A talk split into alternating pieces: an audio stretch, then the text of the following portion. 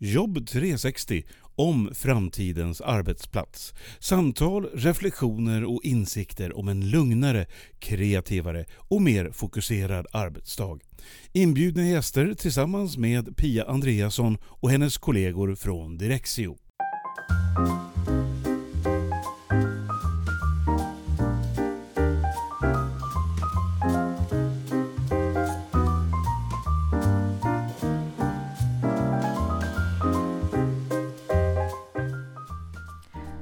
Avsnitt du nu ska få lyssna på av podden Jobb 360 är lite längre än de andra avsnitten, närmare en timme. Och det är helt enkelt för att Johan Magnusson och jag hade ett så intressant samtal. Det handlar om hur man behöver agera för att säkra upp ett rimligt utfall av sina digitala investeringar samt om den viktiga balansen mellan digitalisering och innovation. Sen pratar vi förstås också om det som är min och Direxios käpphäst, digital förmåga. Och digital förmåga är också en av de parametrar som ingår i mätverktyget Dimios som Johan pratar om. Dimios är ett mätverktyg som har tagits fram av Swedish Center for Digital Innovation där Johan är en viktig kugge. Om du vill läsa den första rapporten som har tagits fram så hittar du den om du googlar på Digital mognad i offentlig förvaltning 2019. Du kan också hitta den på www.digitalförvaltning.se under rubriken Rapporter och nyhetsbrev. Men nu ska du få lyssna på det som Johan har att berätta.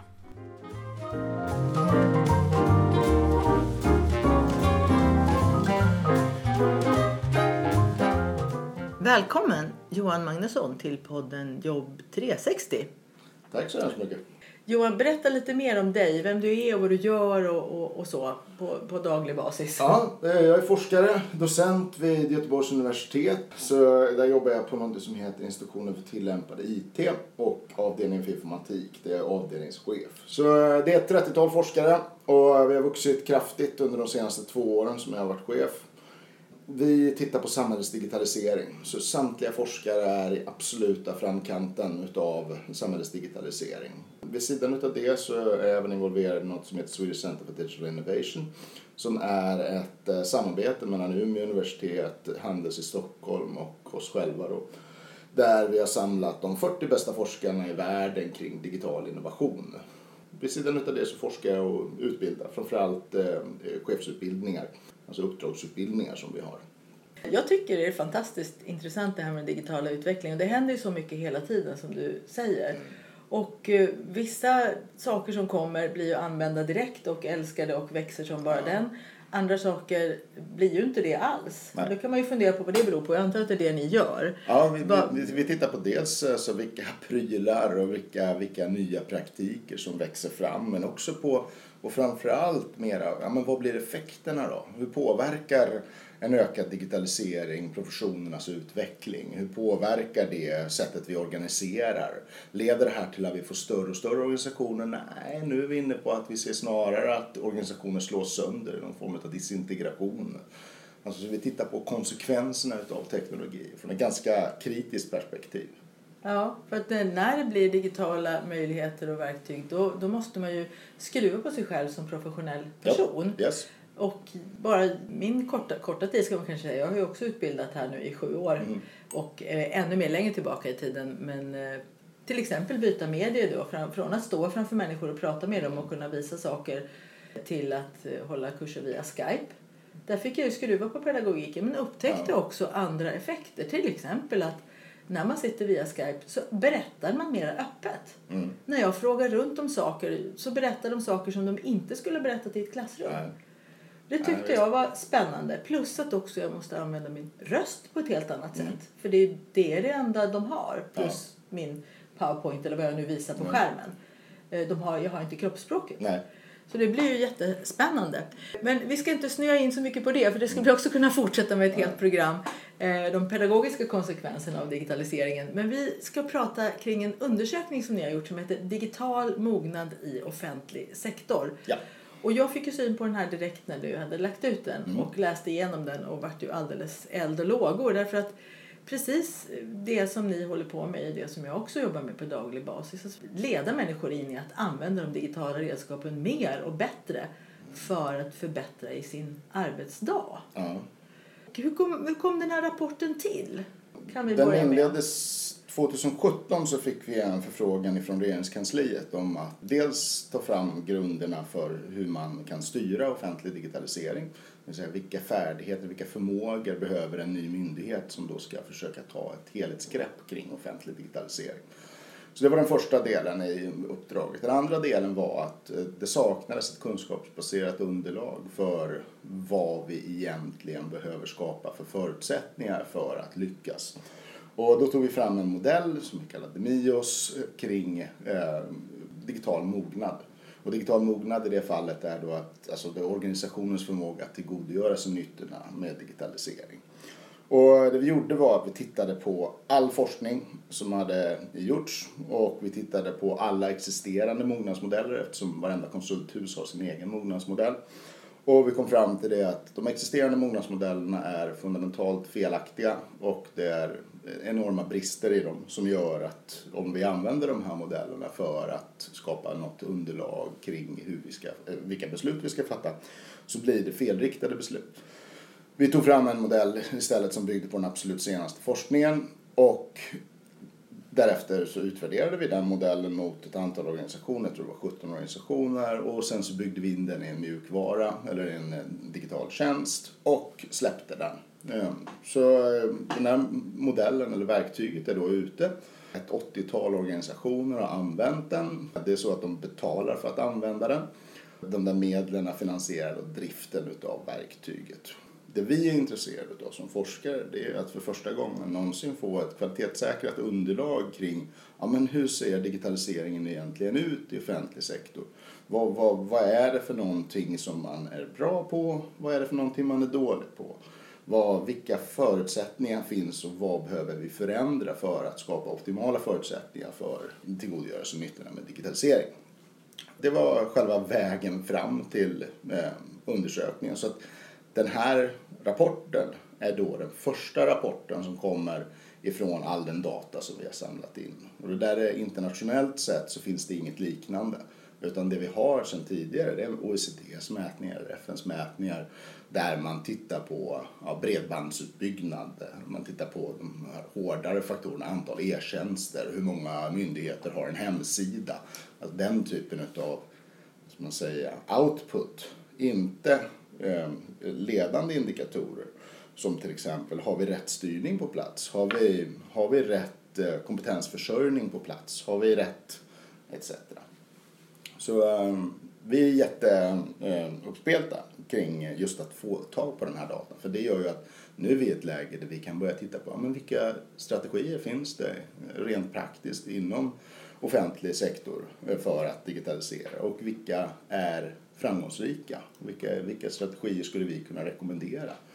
Och det verktyget också gör möjlighet det är att ja, men, om jag ser att jag har vissa brister och så ser jag att en annan angränsande myndighet eller en annan närliggande kommun har lyckats eh, fixa de där bristerna, eh, då kan jag ju börja snacka med dem. Så, så den här transparensen skapar fantastiska möjligheter för accelererad digitalisering. Så man kan lära av varandra och det är det häftiga med offentlig sektor. Det är därför digitaliseringen av offentlig sektor kommer att gå mycket snabbare än privat sektor. Ja. Man lär av varandra. Ja, precis. Det har jag också märkt. Jag gör ju ofta så när jag pratar till exempel med kommuner då. Att om jag hör att en kommun är i ett visst läge som en annan kommun mm. är i eller har varit i nyligen. Ja. Så tipsar jag alltid ja. de personerna och pratar med varandra. Nu finns det ju digitala strateger i kommunerna. Mm. Och jag får en känsla av att de har också börjat prata med varandra ja. rätt mycket. Eh, och, eh, för de är ju ofta ensamma i sin roll så ska mm. de få någon kollega att prata med så får de gå till grannkommunen om det finns någon sån person där. Ja, och de är, de är duktiga som Region Jönköpings län till exempel som sedan 2011 har haft ett digitaliseringsråd där samtliga kommuner i, i den här geografiska eh, delen av Sverige träffas. Alltså, där, där folk som är ansvariga för digitaliseringsfrågan har träffats återkommande och, och delar med sig och delar erfarenheter och delar tjänster, delar resurser. Så, så det där, jag tror att det där kommer vi bara att se mer och mer utav. Och det försöker ju också DIGG göra nu, vara någon form av tummelplats för att få till det där på en nationell nivå. Alltså Myndigheten för digital förvaltning. Ja. Så, så både de och SKL har en fantastiskt viktig roll att fylla eh, när vi går vidare nu. För vi måste bli duktiga på det här. Vi, vi, Sverige, om man tittar på de där rankingarna utav bredbandsutbyggnad och eh, e-tjänster och sånt, vi ligger ju liksom absolut i topp.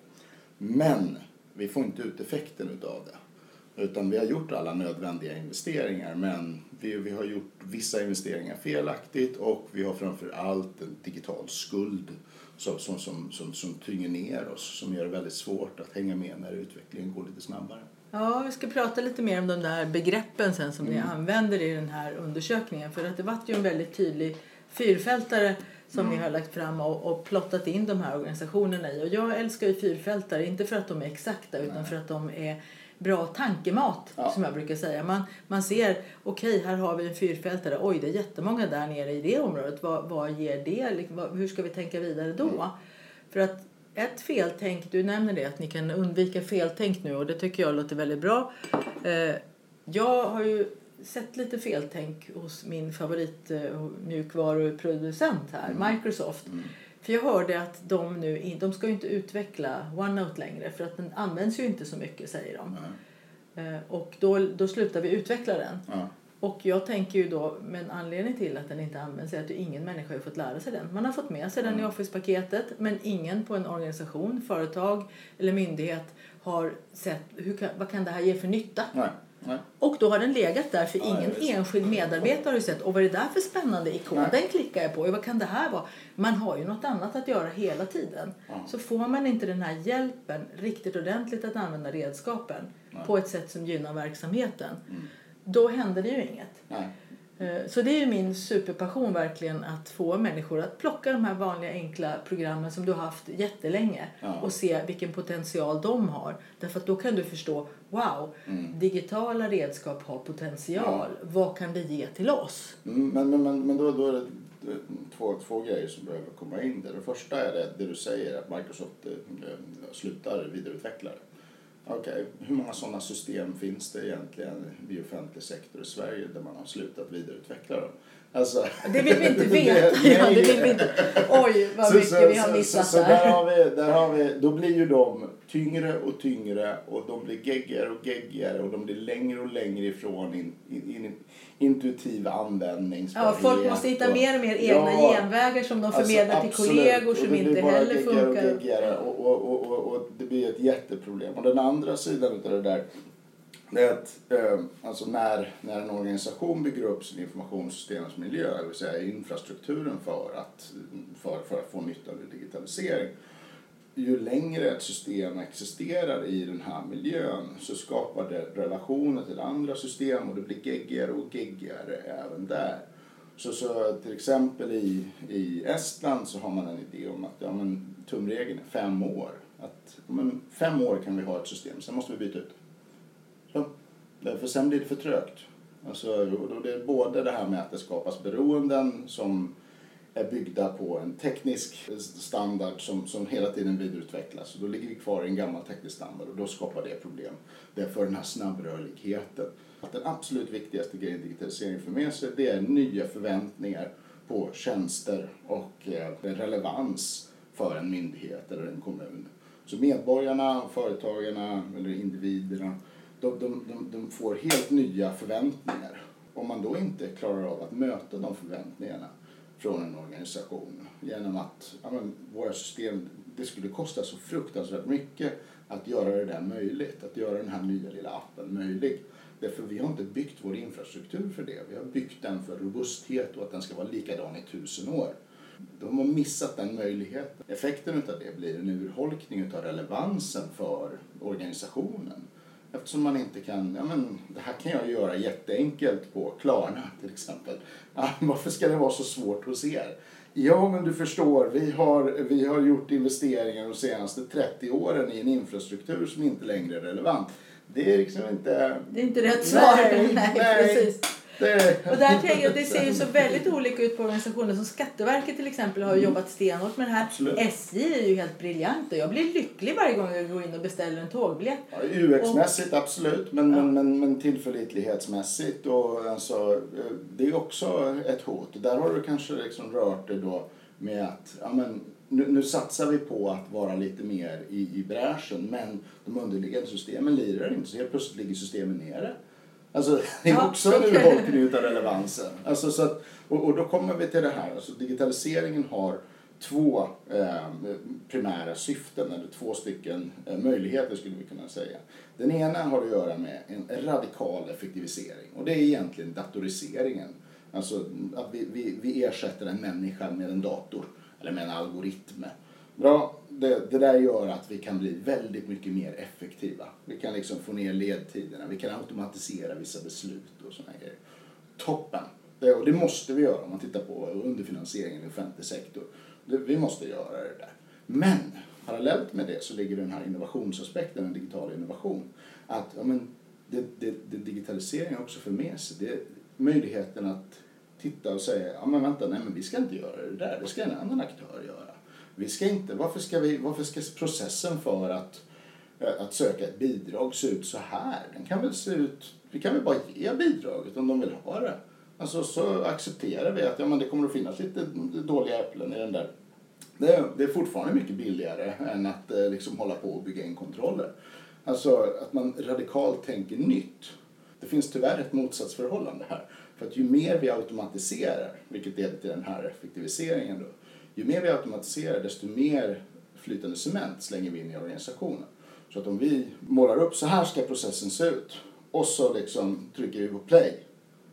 Men vad händer när, när den inte längre är relevant? Då helt plötsligt så måste vi öppna den där lådan.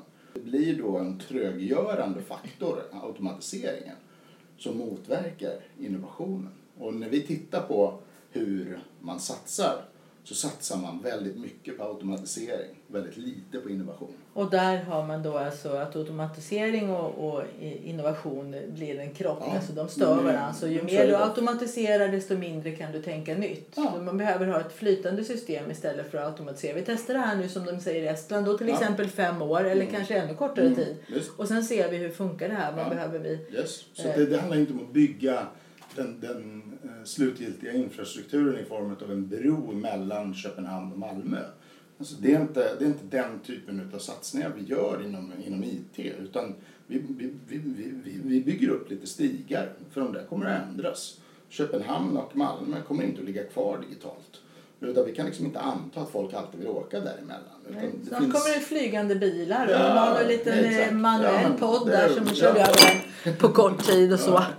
Eh, oj, då höll jag på att dra micken i golvet. Så. Eh, om du flyttar lite närmare så tror jag det blir bra. Så att, eh, och då, om inte Köpenhamn och Malmö ligger kvar på samma ställe och Nej. människor inte längre åker samma fordon, ja då försvinner och det har vi ju sett.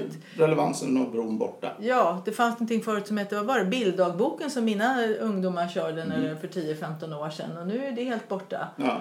Och själv har jag ju inte anammat alla de här apparna som människor verkar använda därför att nej men de passar inte mig. Så att ska man hitta mig någonstans i, i cyberrymden och nå mig på något sätt, ja, men då får man leta sig fram på de här stigarna Mm. Ja. som du nämner då. Just. Och, och då måste vi som organisation veta ja, men hur mycket behöver vi lägga på innovations, i innovationslådan hur mycket behöver vi lägga i den här automatiseringslådan. Det måste vara ett medvetet beslut. Det kan inte vara så att det bara blir. Och i dagsläget att så är det så att det bara blir. Och någon människa är intresserad av ett visst spår och får med sig några andra. Ja. Det sitter ett digitalt råd där som har kommit in på någon eh, bana. Och det har ni, den här undersökningen, jag läste ju det, att det syftar ju till att skapa just den här kunskaps, Ja. faktaunderlaget Yes. för att ta rätta beslut. Så hur mycket lägger vi på innovation, hur mycket lägger vi på, på automatisering? Och det jobbar vi vidare med bland annat nu Sundsvalls kommun.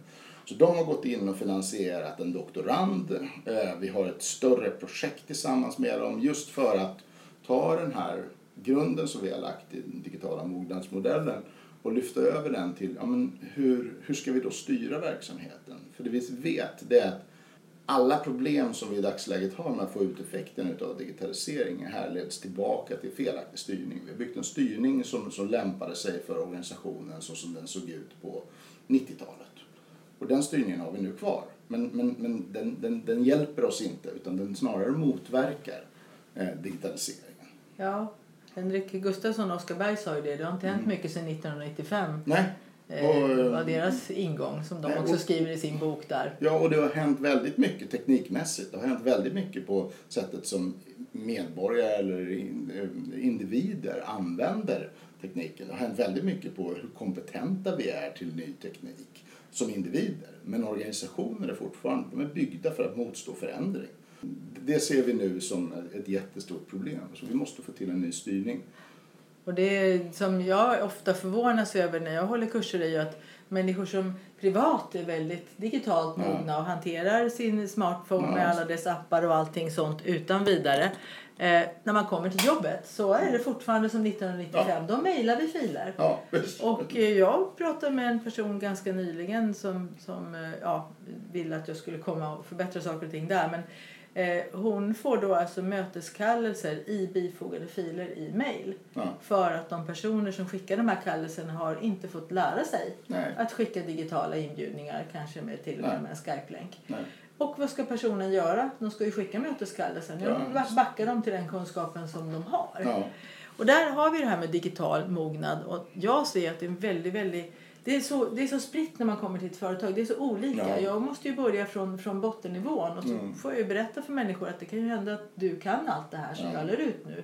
Men när vi är färdiga med det här kursupplägget så kan alla. Då har vi höjt ribban för Ja. alla. Och då vet du som är duktig också vad alla de andra Mm. kan. Vilket Ja. kommer vara en fördel för er. Och det visar sig ju att det är ju de som kan mest som blir gladast Ja. när jag kommer och Ja. gör det jag gör då och höjer ribban. Men det är en lagsport. Alltså, Det är Anna Erikssons absolut, eh, återkommande... absolut. Om man tillsammans har en viss grundläggande nivå så kan man komma väldigt mycket Ja. längre. Men vi har ju det här med digital mognad och sen har du digitalt arv. Det är ju de här två begreppen som du bygger din fyrfältare på undersökning och så. Kan du berätta lite mer? Vad ingår i de Ja. begreppen? Digital mognad Digital- och digitalt arv. Digital mognad är ju organisationens förmåga att tillgodogöra sig nyttorna med digitalisering. Och den består av två dimensioner Eh, när vi mäter den. Det Den första är eh, digital förmåga. Det vill säga förmågan att förstå, fånga och förändra på basis av digitala möjligheter. Så, så det är organisatoriska förmågor egentligen. Och styrning. Och där har vi den här balanseringen mellan effektivitet. Ja, men vad, där finns det vissa grejer som vi måste ha på plats. Eh, innovation, där finns det vissa grejer som vi behöver ha på plats. Och balansering, vi måste kunna balansera dynamiskt mellan de här två. Så, så det är den digitala förmågan. Sen så har vi eh, digitalt arv. Så som en, den andra dimensionen i modellen. Och, och den, den bygger på idén om att all effekt utav digitalisering kommer dimensioneras utav hur vår infrastruktur ser ut och hur vår styrning utav infrastrukturen ser ut, vilken kompetens vi har på IT-avdelning eller motsvarande. Så, så det har vi sett i tidigare studier som vi har gjort att drömmen för en CIO eller en IT-chef eh, när de kommer till ett nytt ställe det är att hon bara kan slänga in en brandbomb i serverhallen och bara utplåna samtliga gamla system. På ett halvår skulle man kunna byggt upp allting igen från början till en bråkdel av kostnaden och att få den här möjligheten att faktiskt vara lite mer agil och kunna förändra det över tid. Men det går ju inte, eftersom man kan inte stänga ner verksamheten i ett halvår. Då får man ju acceptera det man har och då kan den antingen vara begränsande för möjligheterna att, att tillgodogöra sig nyttorna med digitalisering eller möjliggörande. Så det, det är i grova drag hur modellen ser ut. Och, eh, och på basis av det här, eller med hjälp av detta, så kan vi plotta ut organisationer. Hur, hur ser det ut med det digitala arvet i myndighet A? Ja, myndighet A har ett kraftigt begränsande digitalt arv.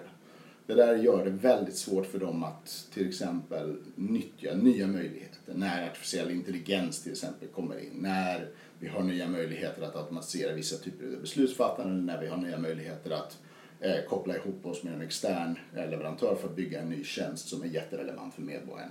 Det, det där arvet begränsar då. Okay? Sen så har de en digital förmåga som är låg.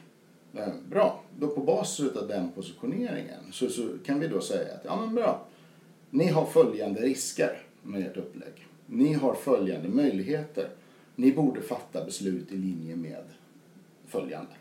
Det vill säga om du är då i den här lägre graden, låg digital förmåga och begränsad digitalt arv alla satsningar du gör på digital innovation och att vara lite flashig och att uh, dina politiker säger till dig att ja, men du måste bygga nya digitala tjänster, vi ska ha, nu ska vi crowdsourca det här. Det bygger, då kommer du bygga det, men det kommer inte vara skalbart. För att du har den här underliggande skulden i din, ditt digitala arv. Så, så, du kommer aldrig få ut effekten på verksamhetsövergripande nivå av detta. Så, så då blir ju rekommendationen att nej, nej, nej. Ni ska inte satsa på digital innovation i dagsläget för ni är inte redo för det. Ni har varken förmågan eller äh, den underliggande infrastrukturen.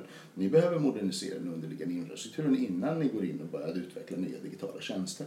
För att det blir förlupna kostnader om ni gör det där. Så, så, så I det hörnet då så börjar man med att förbättra infrastrukturen och sen ökar man den digitala mognaden och förmågan? Om man vill vara samvetsgrann med eh, skattemedel. Ja. Absolut.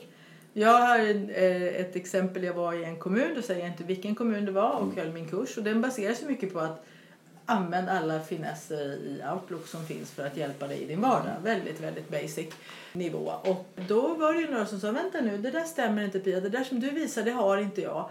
Och så började vi titta efter och då var det ju, det var en grupp på 20 personer. Några hade 2007, mm. andra hade 2010, mm. några hade 2013 och en eller två hade 2016. Mm. Så de såg ju inte samma saker. Nej. Och då var det ju väldigt svårt för dem att samarbeta. Och ja. han var en person som hade 2007-versionen. Han visste ju inte det. Nej. Nej. Nej, men och IT hade ju bara matat ja. på de nya medarbetarna med det senaste. För att ja. Outlook, herregud, de är ju bara mail. Det behöver ja. inte till något. Nu funkar ju mailen. Eh, och då, då skevar det ju sen när man ska ta det till nästa nivå, ja. börja använda finesserna, börja samarbeta i det här redskapet mm. på ett sätt som faktiskt är möjligt mm. men som ingen känner till. Nej. Och det gäller förmodligen alla andra program ja, och applikationer Absolut. också, samma sak. Och vi använder bara en bråkdel av funktionaliteten i de system som finns. Och istället för att öka användningen av dem så tar vi och köper ett nytt. Och så ja. lägger vi det på toppen och så blir det gegga. Och så lägger vi det på toppen och så lägger vi det på toppen och så lägger vi det på toppen och så lägger vi det på toppen. Så liksom om man tittar på en, en ja, men ta ett landsting alltså som VGR. De har ju de har enorma investeringar i De har allt på plats. Det, så man behöver egentligen inte köpa något nytt. Du kan titta på hur du kan använda det du har och snarare göra dig av med systemet. Alltså vi, vi har, ja. Det finns ingen, till exempel, det finns, jag har aldrig stött på en organisation, varken i offentlig eller privat sektor, som faktiskt har ett mått på omsättningshastighet i sina digitala system. Alltså varför inte det? Det är väl jätteviktigt. Vi måste ju liksom veta ja, men, ligger det här bara som, som, en, som en våt filt över allting? Vi, vi, vi har inte heller några eh, nyckeltal på nyttjandegrad. Det är ingen som mäter det. Använder vi det här varken, överhuvudtaget? Var, nej, varken på liksom systemnivå eller på funktionsnivå eller på datanivå. Alltså, så säger alla, ja men data är den nya oljan. Ja, toppen, den ligger överallt. det är smetat in överallt. går klampar runt här i oljan. Men... men du var också inne på det här att det påverkar varandra väldigt mycket. Och eh, där har jag också ett exempel. Jag har jobbat med flera av stadsdelarna i Stockholm. Mm. Och de funkar ju kan man säga till viss del som egna kommuner, ja, egna enheter. Mm. Och där var det en stadsdel som bad mig att komma det var äldreomsorgen. Mm. Kan du komma och lära oss hur man skypar? Mm. Därför att när vi har såna här vårdplaneringsmöten för äldre människor som ska komma från ja. sjukhuset och komma hem igen så ska vi planera med hemtjänsten och så vi och så sjukhuset och liksom, eller sjukvården då eh, och sätta upp det så att det blir bra mm. för den här människan. Eh, ja, jag gjorde det och det var ju, de var ju jätteglada och tyckte det var mm. kul och de fick labba lite och, och det mm. behövs ju inte mycket för att lära sig Skype. Det är inte så svårt bara man kommer på banan. Eh, och sen pratade jag med en annan stadsdel och berättade att nu har jag gjort det här i den här stadsdelen. Är det någonting som ni har mm. i åtanke? Nej, nej, det har vi gjort i flera år. Ja. Och nu pratar vi om samma landsting. Ja, olika hemtjänster naturligtvis. De jobbar kanske lite olika med olika upphandlade mm. leverantörer där. Men samma kommun mm. och samma typ av verksamhet fast en annan stadsdel. Ja. Och, där har de redan gjort ja, det i flera år. Ja, så att... och det, det är en sån som vi, alltså, vi ser växa fram nu i och med att vi får mer och mer data. I första versionen av det här kunde vi bara mäta på övergripande organisationsnivå, det vill säga en kommun. Ehm, det vi ser nu, men, men då, då hade vi redan den här funderingen att ja, men jag tror att spridningen inom en kommun i termer av digital mognad kommer att vara högre än mellan kommuner. Alltså så, så att eh, förvaltning A kontra förvaltning B har liksom en fundamentalt olika diktator. Och när du då ska analysera det där som en övergripande kommun då, då ser du att, ja men vänta nu, ja men herregud, det här är ju, det är ju ett värdeflöde här Och, och de här hänger ju ihop så att om vi har en väldigt svag eh, stadsdel här eller en väldigt svag förvaltning här påverkar ju det den övergripande effekten. Ja. Så, så var ska vi börja satsa?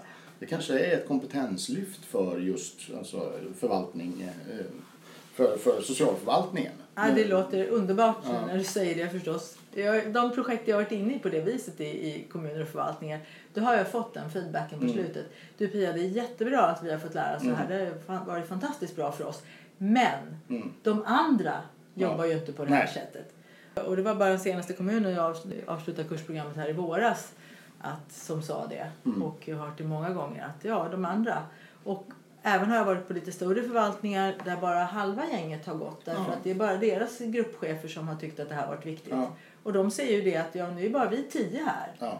Men alla de andra 72 Ja. ska ju vi fortfarande kämpa med. Och medborgarna och det här vanliga som vi har haft alltid. Men nu fick vi ytterligare en möjlighet som bromsas av att Det, så det, det är den, det är de den svagaste länken Ja. liksom, så, som vi måste identifiera. Och då, då funkar vår metod så att den, ja, men den hjälper oss att, eh, att faktiskt identifiera det där. Var, var, var ska vi satsa på och, och, och hur ska vi satsa?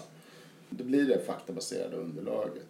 Organisationerna som använder det är väldigt nöjda med det. För de får ett faktiskt eh, vetenskapligt eh, belagt eh, faktabaserat underlag som gör att de nu kan börja bygga sina digitala strategier på ett annat sätt.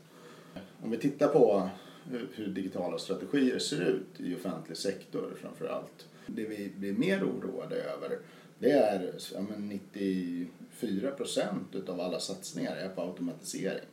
Om du har en digital strategi som går ut på att du ska automatisera så mycket som möjligt Ja, men det är jättebra. Då automatiserar vi någonting, en verksamhet som har fortsatt på samma sätt i hundra år. Liksom. Vi automatiserar oss till irrelevans. Så, så vi automatiserar dumma rutiner och, och meningslösa leveranser till våra medborgare.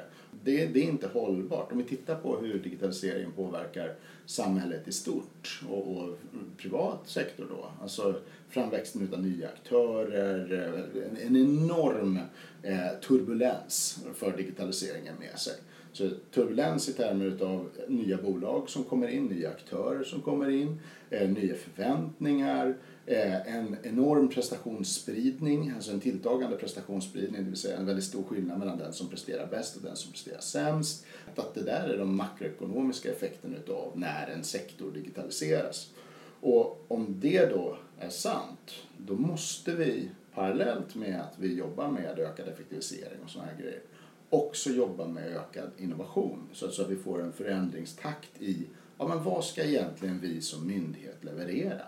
Det är inte bara vad reglerbrevet säger utan det, är det, det är också vad förväntningarna på oss som medborgare är. Det, det där är hur vi ska leverera det. Och då är det inte självklart att det är som vi gjorde i förrgår. Ehm, och Det är ett, eh, ett fundamentalt underliggande problem med digitaliseringen. Att vi, att vi fortsätter att automatisera på felaktiga grunder egentligen. Sånt som vi inte borde syssla med.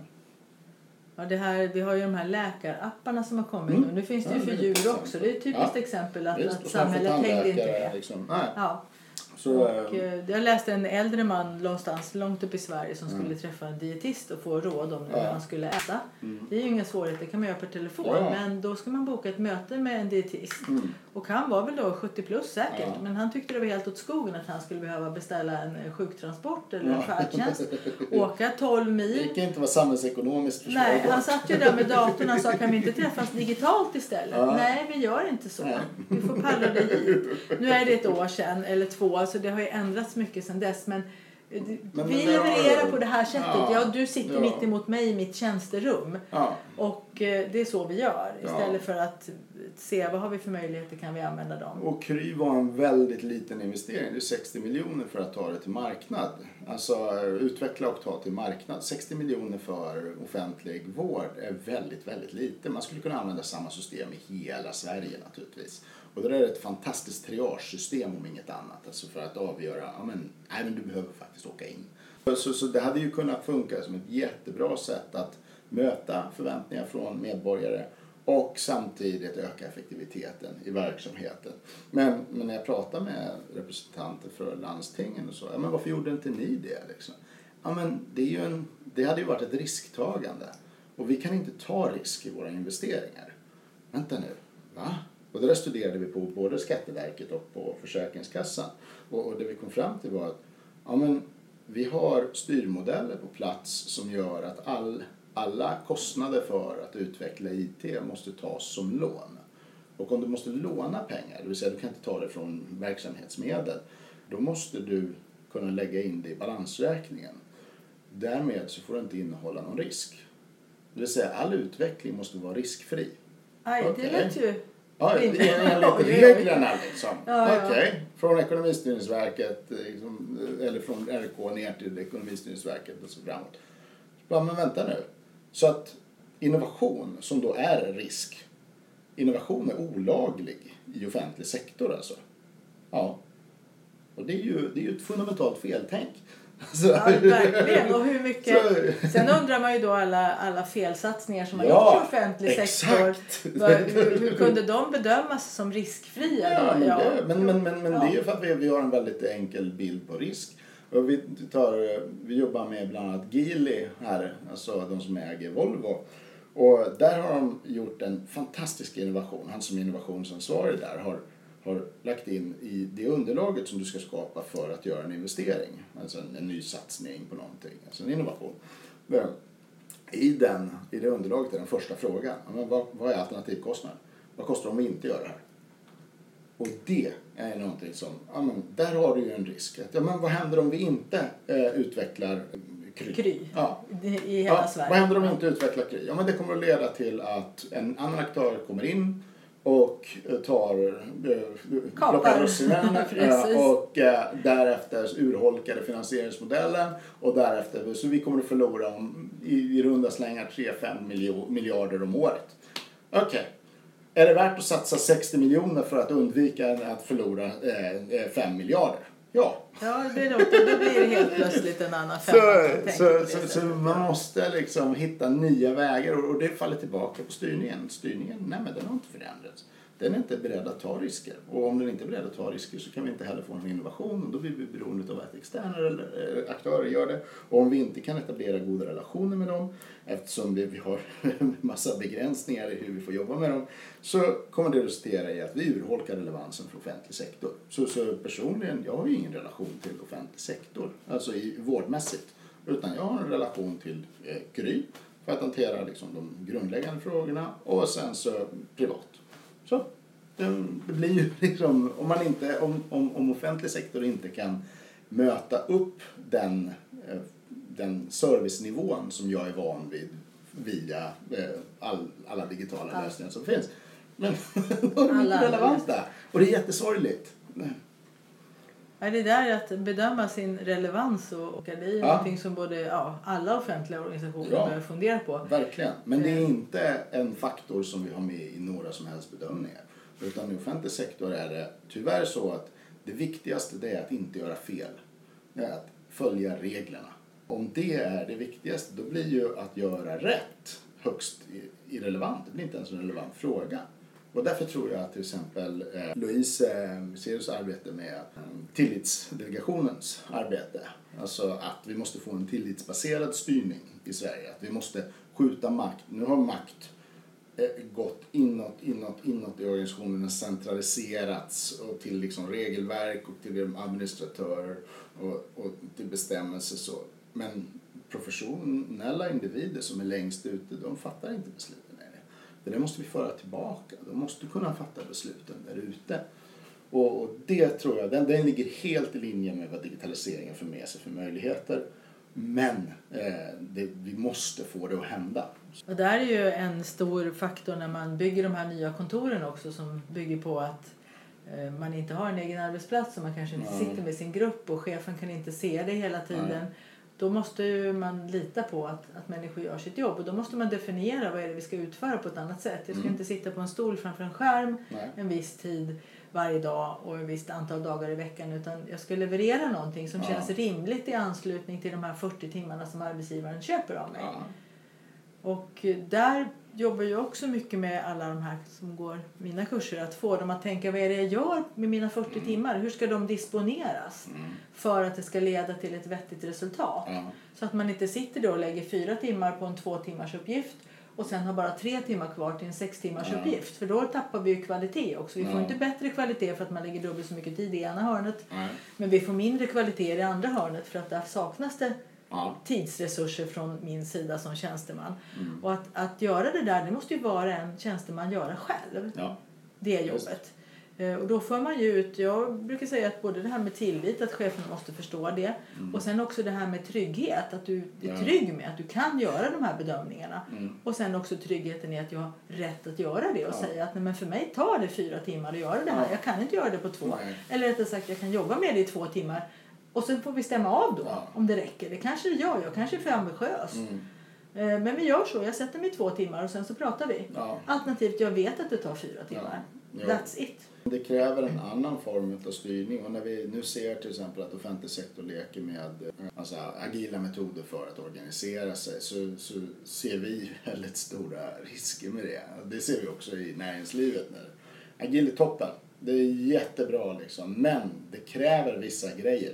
Den kan inte samexistera med projektorganisation till exempel. Nej. Eh, men, men det ser vi att man gör. Så, så man lägger liksom agilt på toppen men har kvar all existerande styrning. Så på samma sätt som de här systemen växer upp liksom, och blir en gegga eh, så har styrningen vuxit upp och blivit en gegga. Och nu lägger du agilt på toppen där utan att anta de grundläggande principerna i agil organisering och utan att ha någon form av begränsning i vad ska organiseras agilt kontra på ett mer traditionellt sätt. Ja, för det Och- traditionella sättet är ju inte fel. det Nej, funkar ju det utmärkt. är jättebra på om du, sina inte har, platser. om du inte har den typen av snabbrörlighet i omgivningen. Då, då är det toppen. Då är det mycket mer effektivt än att vara agil. Eh, och, och, och, och det vi ser då det är att, ja men vad händer? Ja, men vi, nu är vi agila. Ja, toppen, vad innebär det för mig? Ingen aning. Det, vi bara kör vidare som tidigare antagligen. Nya modeller och sånt där, de funkar inte. Det är inte one size fits all. Utan det beror på. Och, och du måste göra den där analysen först. Ja, och, och där är ju användarinvolvering till exempel.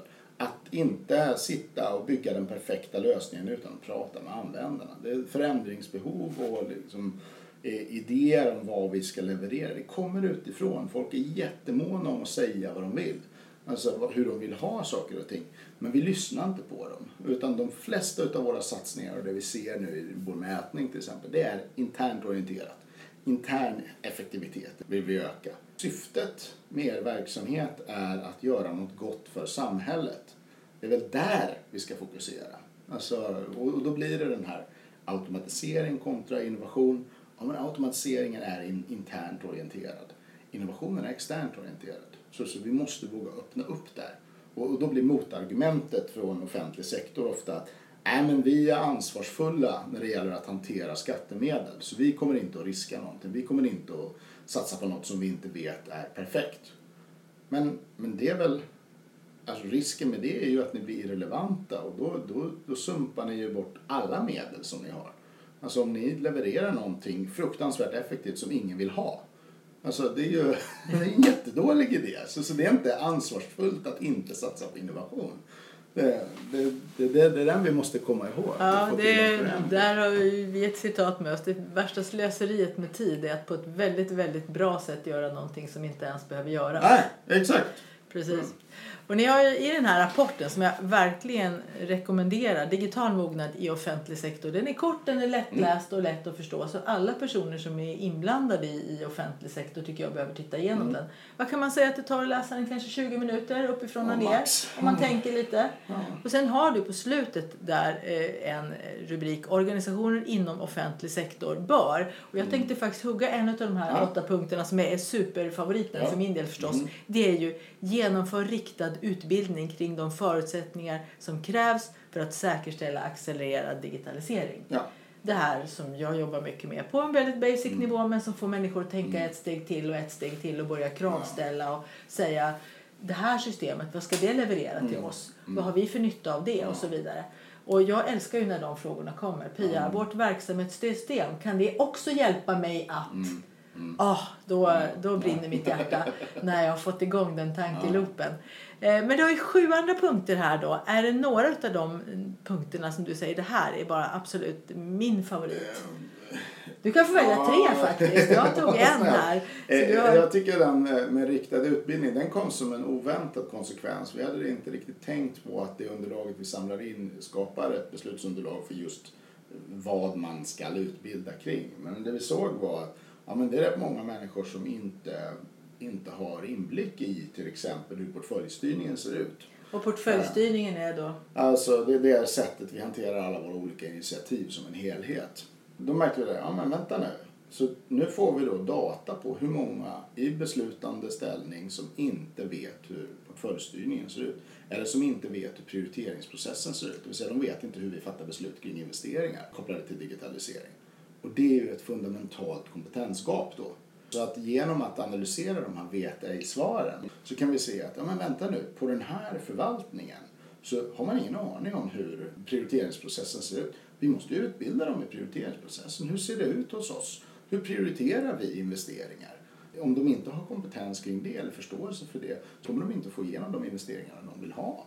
För mig så är just den här balanseringsfrågan, alltså hur mycket satsar vi på inre effektivitet kontra eh, yttre innovation om man så vill. Alltså hur, vad har vi för förmåga att möta förändrade förväntningar på oss? Den ser jag som den absolut viktigaste. Att, att vi, kan, vi kan avgöra att, ja men vänta nu, givet sättet vi styr det här på idag så behöver vi konfigurera om styrningen på de här fem dimensionerna för att kunna höja eller sänka eh, vår, vår, vår innovationssatsningar.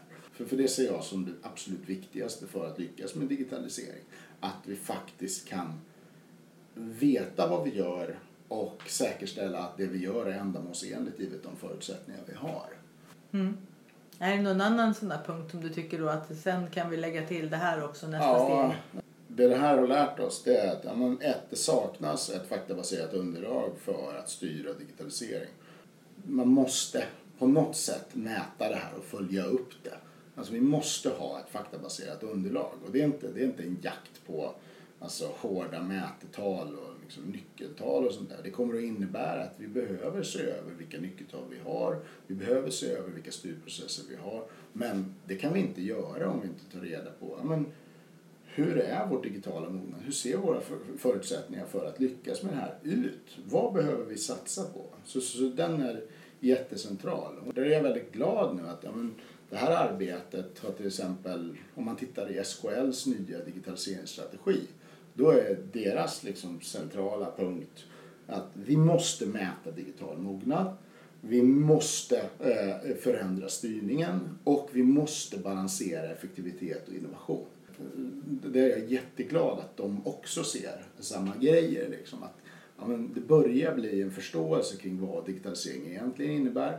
Och, och det vore ju fantastiskt om vi snart kan sluta prata om digitalisering och istället prata om alltså verksamhetsutveckling. Verksamhetsutveckling, ja. verksamhetsutveckling. Och SKL, då, Sveriges kommuner och landsting, är ju verkligen ett nav i de här delarna. Ja, just kommuner och landsting. Och de kan göra en fantastisk resa när det gäller att skapa rätt förutsättningar för alla, framförallt småkommuner. Om man, om man tar bort Stockholm, och Göteborg och Malmö, de mindre kommunerna, jag träffar ju alltså kommunchefer så, så, som sitter och gråter. Alltså, jag har ett sparbeting de senaste tre åren på 5 och samtidigt ska vi bli bäst i världen på digitalisering. Jaha, hur, hur, hur, till Smalånga liksom, hur får jag upp eh, ja, digitala visst. utvecklare hit? Så som är spjutspets. Men det, det, det, det kommer inte gå. Utan det du nämnde tidigare med det här, så Eh, det gapet, det digitala gapet eh, mellan de som förstår tekniken och de som inte förstår tekniken. Det vi nu kan prata om det är ju någon form av digital välfärd. Alltså hur ser försörjningen av digital välfärd ut över landet? Det är ganska stora skillnader beroende på var du bor, var du har tillgång till digitala tjänster. Där man egentligen tycker att ja, men ju, ju mindre folk desto mer digitala tjänster. Men det funkar inte så för de här är svåra att utveckla. Så vi måste få till det där för annars, så har vi, annars får vi ett A och B-lag. Så. Ja, och det, det vill vi inte se. Alltså Nej, jag, verkligen just inte. Just den här fördelen att jag säger också till mina kurser att du behöver kanske inte använda allting. Nej. Men om du vet att det finns mm. och din kollega som använder det vet att du vet att det ja. finns. Då kan ni prata på ett helt ja, annat sätt. Just. Och rätt vad det är så kanske du behöver använda dig av detta.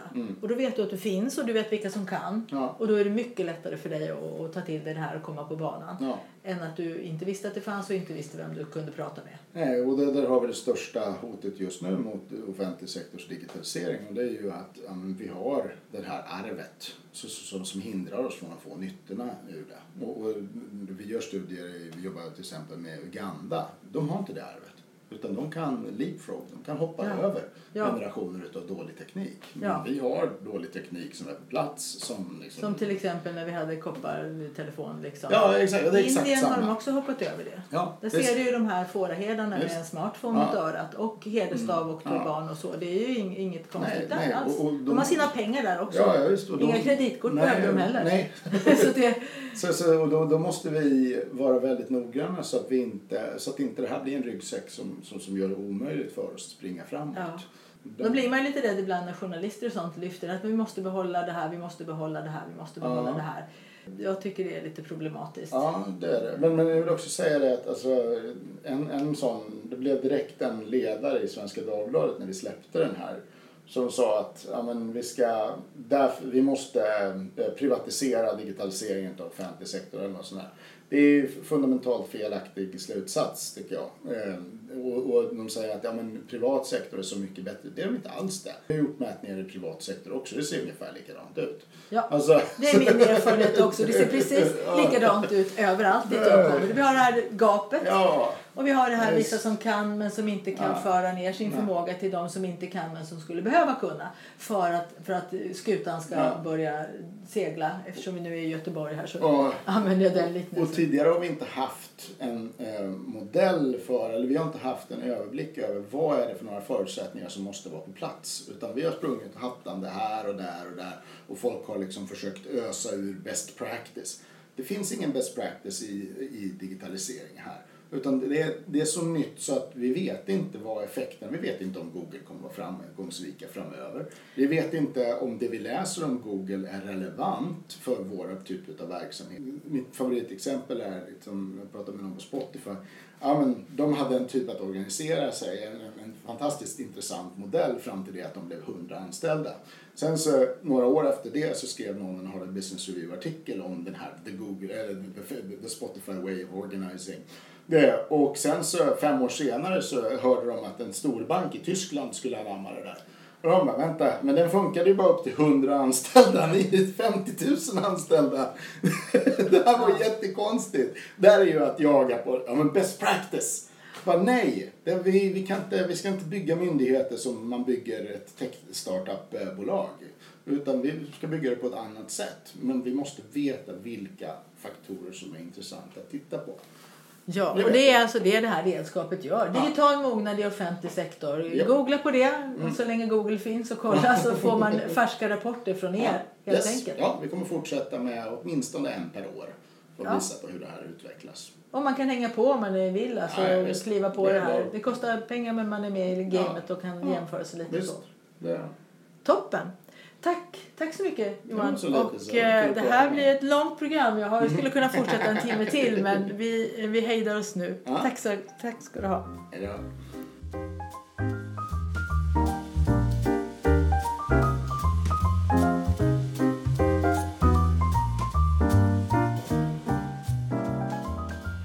Nu hoppas jag att du tyckte att det var lika intressant att lyssna på Johan Magnusson som jag tyckte att det var när vi spelade in det här samtalet.